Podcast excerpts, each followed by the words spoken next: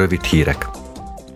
Az Európai Parlament Gazdasági és Monetáris Bizottsága holnap nyilvános meghallgatást tart az uniós szankciók Oroszországra és az EU gazdaságára gyakorolt hatásairól.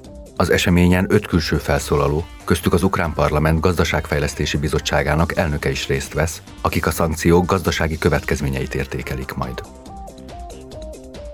Szintén holnap kerül sor a Mezőgazdasági és Vidékfejlesztési Bizottságnak a közös agrárpolitika 60. évfordulója alkalmából tartott nyilvános ülésére.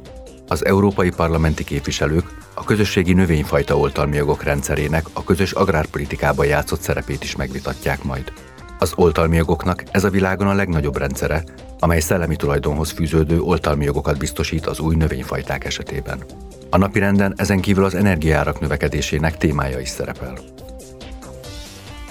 Közegészségügyi, valamint az Állampolgári Jogi, Bel- és Igazságügyi Bizottság holnap együttes ülést tart az Európai Egészségügyi Adattérről szóló, idén májusban előterjesztett Európai Bizottsági Rendeletjavaslatról.